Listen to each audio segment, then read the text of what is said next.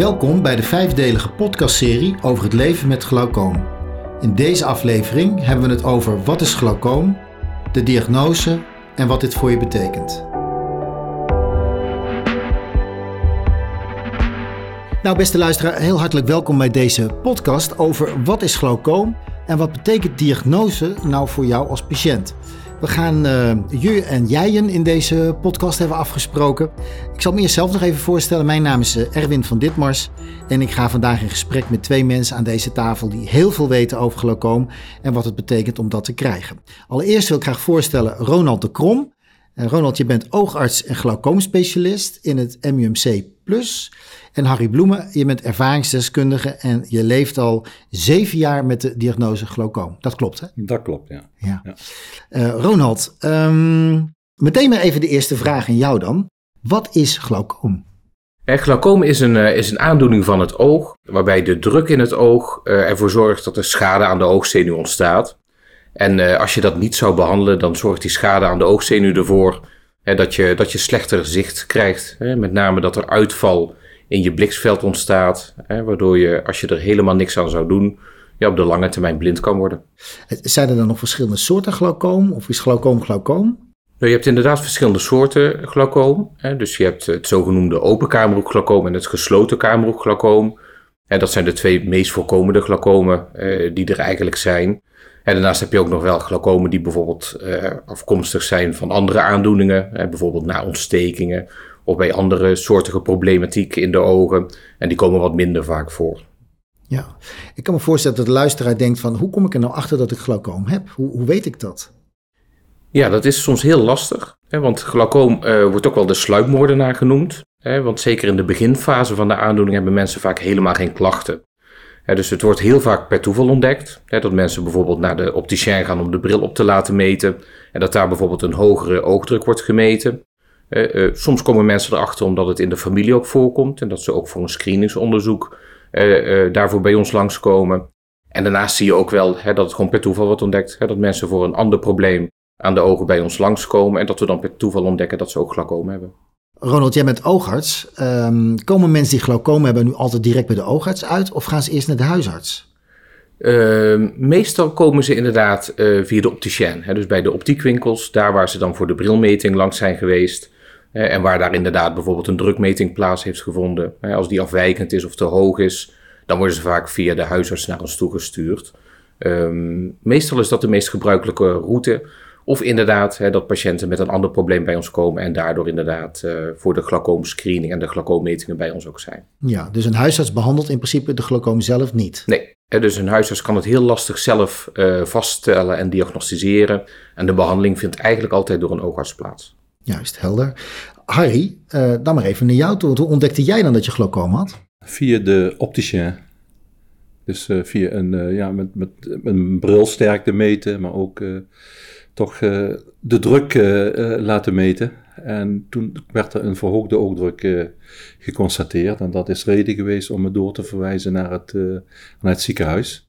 Waar ik onder behandeling kwam van een oogarts. En daar ben ik begonnen met druppels Juist. te nemen maar... om de oogdruk onder controle te houden, zeg maar. Ja, ja en nog even terug dan misschien naar, uh, want waarom ging je naar de opticien? Was dat toevallig of had je een vermoeden? Ja, Voelde je toch nee, iets aan je ogen? ik had helemaal geen vermoeden, helemaal niet. Het ging meer om de, mijn brilsterkte. En um, hoe heet het? Ik was volgens mij in die tijd een jaar of tien of twaalf daarvoor al een keer getest op glaucoom. En toen adviseerde men mij uh, van ga één keer in de twee jaar laat even de druk controleren. En dat is er bij mij eigenlijk bij ingeschoten, laat ik zo zeggen. En, om, dat om dat te doen. En later na nog een keer, ja, bij toeval eigenlijk, gewoon de druk eens laten meten. En toen vertrouwde de opticien het niet, laat het toch even controleren in het, uh, in het ziekenhuis. En zodoende ben ik en, uh, ja, heb ik de diagnose glaucoom gekregen in 2014. Ja. ja. Ik kan me voorstellen als mensen dit horen dat ze denken, ja, dan zou je eigenlijk toch regelmatig je oogdruk moeten laten meten. Als je dat dus niet voelt, aanvoelt komen en je hebt een, misschien een bepaalde leeftijd. Is het nog leeftijdsgebonden? Ja, wat je ziet is dat eigenlijk de meeste mensen met glaucoom zijn boven de 40.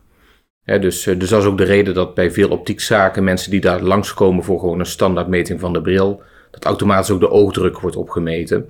Uh, en dat is eigenlijk de, de grootste screeningsmate die in Nederland wordt toegepast. Juist, dus ook als je geen bril nodig hebt, is het misschien toch nog best handig om af en toe die oogdrukmeting te doen. Ja, dat klopt. dus, dat, dus niet alleen zeg maar slecht zicht is een reden om naar de opticien te gaan, maar ook gewoon om vanaf je veertigste een keer de oogdruk te laten meten. Ja, heel helder. Ja, dan, dan hoor je opeens dat je, uh, dat je glaucoom hebt. Sorry. En dan?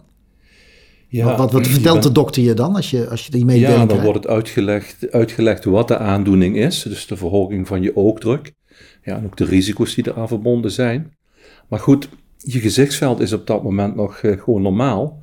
Dus je realiseert, ze niet, niet, je realiseert je op dat moment niet echt ja, hoe gevaarlijk dat dat kan zijn, glaucoom. Als je daar niet, uh, ik zeg maar, bovenop blijft zitten. Want uh, ja, je voelt niks, je wordt niet ziek, je blijft gezond, je merkt het niet aan je conditie. Dus je leeft eigenlijk gewoon verder.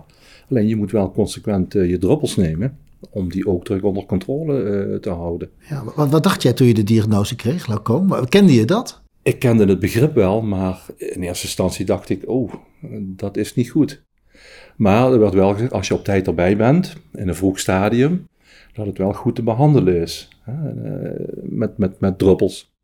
Maar goed, ik heb de pech gehad in 2016 dat het uit de hand is gelopen. Ja, daar gaan we zo over verder praten. Dat... Ja, ik moest razendsnel ja. hier naar het UMC toe, binnen een, binnen een uur. Ja. Of binnen een week zat ik hier al aan de behandeling. en uh, ja. ja. toen is bij mij ja, zeg maar de ellende die bij, bij komen als je het erg hebt, is begonnen toen. Ja, als het goed is voor jou, dan gaan we daar zo even op door. Maar ik wil nog graag even vragen aan Ronald, van, van ja, die diagnose voor de patiënt, wat, wat vertel je nou aan mensen als ze daar komen? Schrikken mensen daarvan of hoe gaat dat? Nou, het is wat Harry net al zegt. Hè. Veel mensen die hebben niet eens door dat ze een probleem hebben. Eh, in de beginfase hebben mensen geen beschadigingen of maar heel weinig beschadigingen. Dus ook geen last van een probleem. Eh, terwijl als je dan niet behandelt, ze misschien toch over vijf of tien jaar wel problemen kunnen ervaren. dus dat is best wel lastig en dat is ook een goede reden om te zeggen eh, van wat glaucoom inhoudt. En dat je dit inderdaad levenslang mee blijft zitten. Je moet het altijd behandelen om te voorkomen dat je op de lange termijn schade krijgt. Uh, en dat, dat kan soms best wel lastig zijn voor patiënten om dat echt goed in te kunnen zien en goed te kunnen snappen, inderdaad. Ja. Wat zijn dan de dingen waar patiënten zich met name zorgen over maken als, als, als je dat eerste gesprek hebt over de diagnose? Nou, mensen zijn natuurlijk vooral benieuwd van kan ik er blind van worden? Of hoe groot is de kans dat ik slecht ga zien? Uh, is er wat aan te doen natuurlijk? Dat, is iemand, uh, dat, dat zijn natuurlijk vragen die mensen vaak hebben. en daar kunnen we dan natuurlijk verder op ingaan. Ja, en is daar iets over te zeggen over het verloop? Of is dat voor iedereen echt heel erg verschillend? Nou, het verloop van glaucoom hangt een beetje af van het soort glaucoom wat iemand heeft. In de regel, Harry noemde het net ook al eventjes, is het zo dat als je er vroeg bij bent, dat je het eigenlijk altijd goed kan behandelen. Maar als je puur naar alle mensen met glaucoom krijgt, de kans dat iemand aan één oog slechtziend of blind wordt, is toch rond de 25% Ja, ja, dus dat is, nog, ja, dat is nog best een percentage. Dat is best wel een groot percentage, ja. ja. En heeft het dan ook nog te maken met het soort glaucoom? Dat je zegt van nou, het ene glaucoom is beter te behandelen dan het andere? Nou, wat we wel weten, de mensen die vaak uh, slechtziend of een blind oog door glaucoom krijgen, dat zijn vaak de mensen met een nauwe kamerglacoom. Dus dat is wel het grootste percentage die tot snelle acute slechtziendheid kan leiden. Uh, uh, maar voor de rest geldt voor elke glaucoom, ja, als, mits het goed stabiel in te regelen en te behandelen valt, is de kans op ja, forse achteruitgang of blindheid gelukkig niet zo groot. En maar als je de pech hebt dat ja, de oogdruk niet goed te, te behandelen is, en dan kan je soms in een heel lang traject komen om het uiteindelijk wel onder behandeling te krijgen. Ja, ja. Hoe vaak komen mensen bij jou gemiddeld? Als, als je, stel dat ze hebben de diagnose gehad, wat, wat spreek je dan af met mensen? Ja, praktisch even. Omdat ik natuurlijk in een academisch ziekenhuis werk, is bij mij de frequentie wat anders dan in de gemiddelde zeg maar, oogartsenpraktijk in het land. Iemand met een, uh, zeg maar een lichte vorm van glaucoom die goed onder uh, behandeling is en waarbij de oogdruk goed reageert op de behandeling, komt gemiddeld één à twee keer per jaar bij de oogarts. Ah ja. En, dat, is, dat, is, dan echt om die oogdruk ook weer te bekijken? Ja, dat is om bijvoorbeeld de oogdruk hè, goed in de gaten te houden, maar ook om onderzoeken te doen om te kijken of de schade aan de oogzenuw stabiel blijft. En dat kan je bijvoorbeeld doen met een gezichtsveldonderzoek of met een foto van de oogzenuw. Ja, dus dat zijn, dat zijn, zijn dat ingrepen waar mensen voor lang voor moeten blijven? Of is dat iets wat in een spreekuur kan gebeuren? Ja, meestal wordt het eigenlijk altijd wel gecombineerd met de controle bij de oogarts. Een fotootje van de oogzenuw is een heel kort onderzoek. Dat duurt een minuut ongeveer. Een gezichtsveldonderzoek duurt ongeveer een kwartier. Ja, oké. Dus dat zijn een korte onderzoeken. Je hoeft er niet voor opgenomen te worden in een ziekenhuis. Nee, nee, nee, nee. Dat zijn dingen die je goed in de gaten kan houden. Ja, Ehm, ja Harry, jij kreeg die diagnose en toen, wat, wat gebeurde er? Kan je zo eens beschrijven? Ja, we zouden denk ik over zeven jaar een boek kunnen schrijven met jou, wat er allemaal gebeurd is. Want er is nog wat een en ander gebeurd, weet ik, van jou. Ja. Maar zou je, eens- zou je eens kunnen zeggen wat er in die zeven jaar zo al gebeurd is? Ja, ik, eh, vanaf de diagnose 2014 is dat twee jaar goed gegaan. In 2016 kreeg ik grote problemen aan mijn, aan mijn oog. Oogdruk was ineens heel hoog gewo- geworden. Ik weet het nog, ik zat toen bij de meting hier in eerste instantie tussen de 47 en 48. Ja, toen ben ik eh, gelijk hier naar het, eh, naar het ziekenhuis gegaan. Doorverwezen naar het UMC, de behandelingen eh, zijn ingezet. Helaas, één oog ben ik het, ja, het zicht verloren konden ze niet meer redden. Het rechteroog gelukkig onder controle gekregen, maar ik hoorde van de arts ook, dat had toch een behoorlijke tik gehad. Dus Even tussendoor, dat, dat mensen thuis dat begrijpen. Is die oogdruk dan zo hoog dat daar, dat, dat zo, zo snel achteruit gaat? Ja, dus de no- normale oogdruk is tussen de 11 en de 21 mm kwik. Eh, hoe hoger de oogdruk, hoe sneller schade kan ontstaan. Je kan het eigenlijk vergelijken hè, dat met een hoge druk letterlijk en figuurlijk worden zenuwvezeltjes kapot gedrukt. Dus de mate van oogdruk is wel een maat voor hoe snel glaucoom kan, eh, kan verergeren. En dan kan dat dus heel snel gaan. En dat kan heel snel gaan, klopt. Maar dan kan ik me voorstellen, als je dit hoort, dat je denkt: oh ja, dan, dan vind ik één keer of twee keer per jaar vind ik wel wat aan de, aan de krappe kant om, die, om, om te laten meten, hè, die, die metingen te laten doen. Als het zo snel ook kan gaan. Ja, maar dat is als je eenmaal eh, een meting eh, hebt gedaan. Hè, kijk, die hele hoge drukken, dat komt gelukkig niet zo heel vaak voor. Dus de meeste mensen met glaucoom, hè, die hebben drukken die wel hoger zijn dan normaal. Maar er zijn ook mensen met glaucoom die bijvoorbeeld een normale druk hebben. Hè, dus het is echt per individu bepalend Ja, ja. of een druk in een oog schade geeft eh, aan de oogzenuw van die persoon. Ja. Dus Harry, je hebt eigenlijk gewoon pech gehad. Ja, ik, eh, ik heb eigenlijk pech gehad. Gewoon. Dus eh, van de een op de andere, ja, in tijd gezien, een dag. En dat gooit je leven wel even op je kop, ja. Ja, want wat, wat doe je dan? Want dan, dan, dan, dan red je het niet meer met druppelen, denk ik. Nee, want u vroeg in het begin ja, welke behandeling ik heb gehad. Ik heb dus en druppels in het begin, twee operaties aan mijn ogen, twee apparaatjes zijn in het oog eh, gezet om de druk te regelen. Laserbehandelingen heb ik gehad. Eh, nu nog onlangs van de eh, Ronald, vorig jaar twee keer, om de druk toch zo laag mogelijk te houden. Ja, je merkt toch in de loop van de jaren dat je zicht toch iets ja, minder is geworden. Gelukkig het afgelopen jaar stabiel gebleven, daar ben ik heel blij om. Maar ja, het frustrerende is iedere keer, ja, het grote gezichtsveld. Ja, hoef je niemand te meten, alleen maar het kleine. Ja, dan moet je je even weer herpakken. En toch weer de draad oppakken, want ja, je moet toch doorgaan met je handicap en daar verder mee leren leven. Ja, En zeker. daar een goede invulling aan geven, want eh, ja, je staat ermee op en je gaat ermee naar bed. Hè. Ja. En zeker omdat je fysiek verder en mentaal niks mankeert, eigenlijk. eh, ben nooit ziek geweest, Ja. Ja. nooit. Opeens krijg je. Nou, wat het voor je betekent, wil ik graag zo nog even op doorvragen. Ja, ja. Misschien nog even, Ronald, behandeling is algemeenheid. eh, los van wat Harry al heeft meegemaakt. Misschien wel goed om te zeggen, wat Harry heeft meegemaakt is niet, is niet de, ja, als ik het zo mag zeggen, de gewone weg, toch, hè, van de behandeling. Nee, nee, nee, nee. Gelukkig niet. Hè. Dus eh, als je puur kijkt naar de behandeling van glaucoom, 90 tot 95 procent van de mensen eh, is eigenlijk goed te behandelen met druppeltjes of een kleine laserbehandeling. Ehm, mocht dat nou niet werken, hè, dus dan denk aan zo'n 5 procent van de mensen met glaucoom, ja, dan moet je verder kijken of er andere behandelingen zijn die je, die je goed kan toepassen. En dan moet je bijvoorbeeld denken aan uitgebreidere laserbehandelingen of bijvoorbeeld een operatie waarbij er een luikje of een drainagebuisje in een oog wordt gezet. Ja, kan, kan je een percentage geven? Hoeveel mensen, zeg maar, waarbij druppelen eigenlijk het, het hoofdbestanddeel is van de behandeling? Dus wat ik net noemde, 90 tot 95 procent is een is, zeg maar, druppelbehandeling of een eenvoudige polyklinische laserbehandeling. eh, is genoeg om de druk eh, te stabiliseren en de glaucoom eh, te controleren. Ja, dus dat is echt de, het overgrote merendeel, deel. ja. dus Harry heeft echt heel veel pech gehad. Ja. Dat is, eh, nou Harry, dat is hartstikke vervelend voor jou natuurlijk. Laten we Ja, daar dat is duidelijk over zijn. vervelend, ja. Op zijn minst vervelend. Ehm, goed, dus daar weten we iets meer over alle eh, behandelingen. Ehm, ja, misschien nog even een vraagje. Ik kan me voorstellen als je dan begint met druppelen. En Harry zei ook al, ja, je merkt er niet zo heel veel van.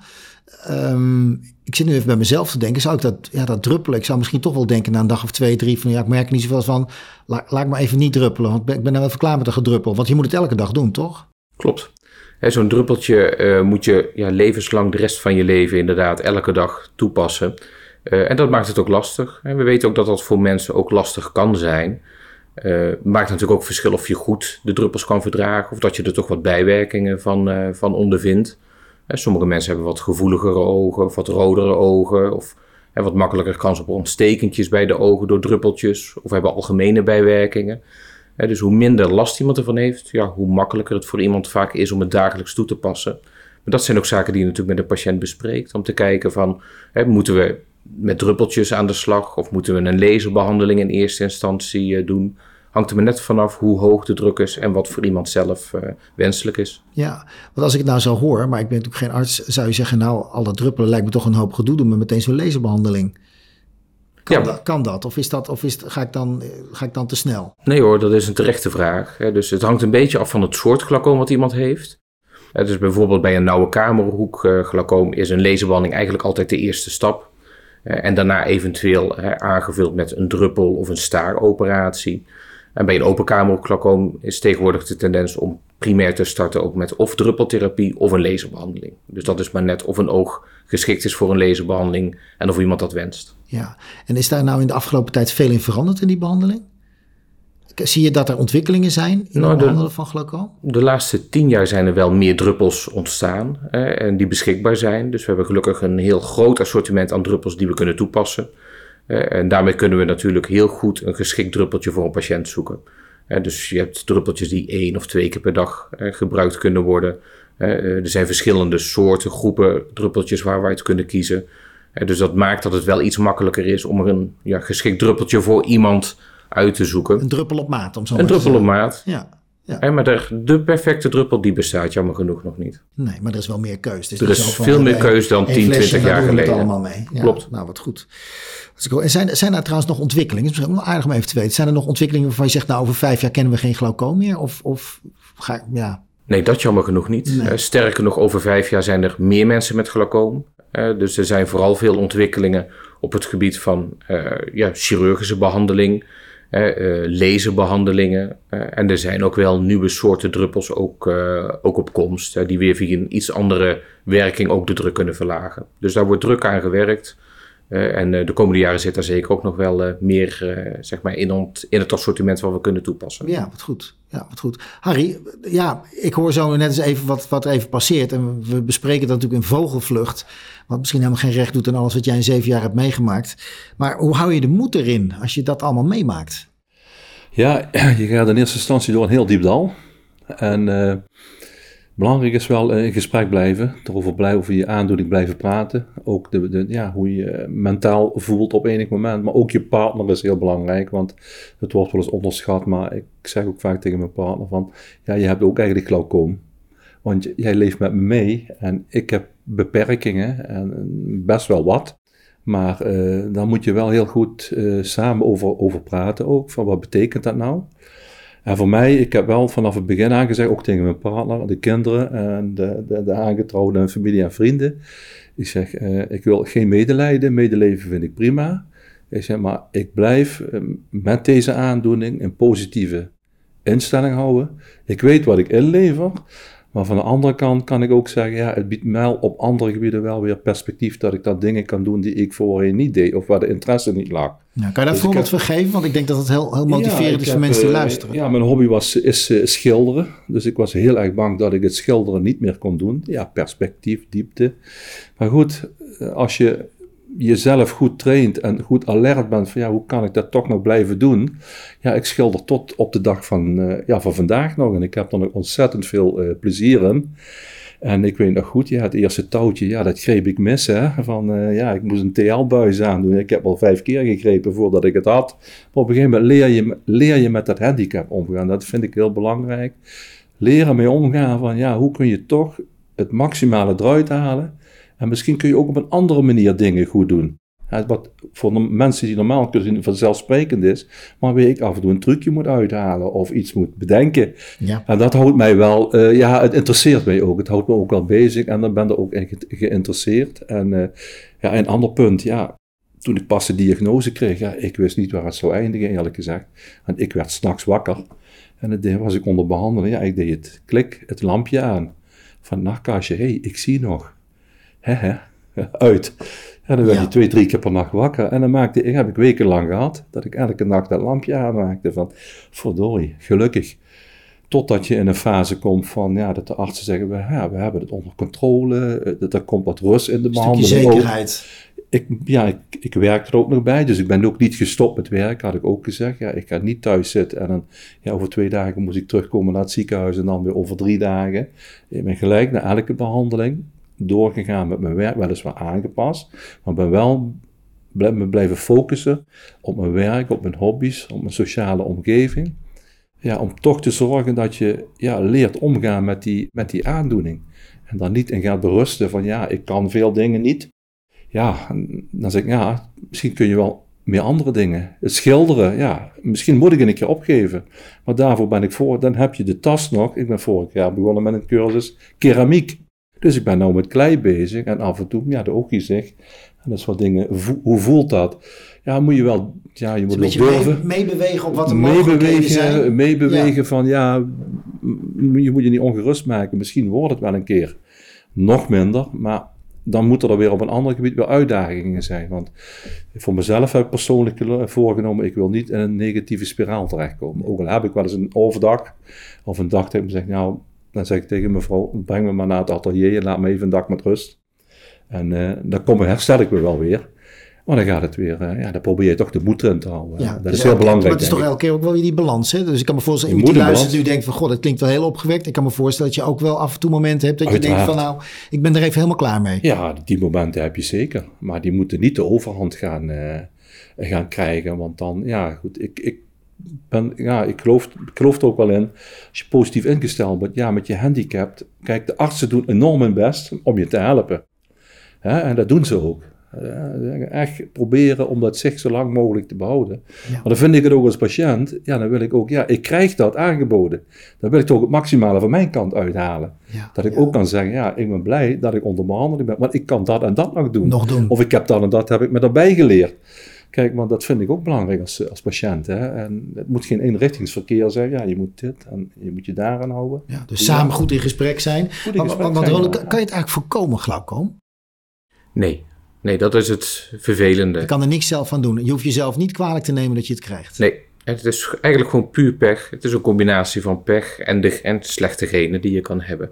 Eh, dus vandaar ook, eh, bij sommige families komt het ook vaker voor. Eh, in dat geval is dat ook altijd een extra reden om je ogen gewoon extra te laten controleren. Dus als je broers of ouders of opa's en oma's hebt met glaucoom, ja, dan moet je alert zijn dat jij misschien ook een kans hebt dat je het krijgt. Dus dat is een extra reden om de ogen te laten controleren.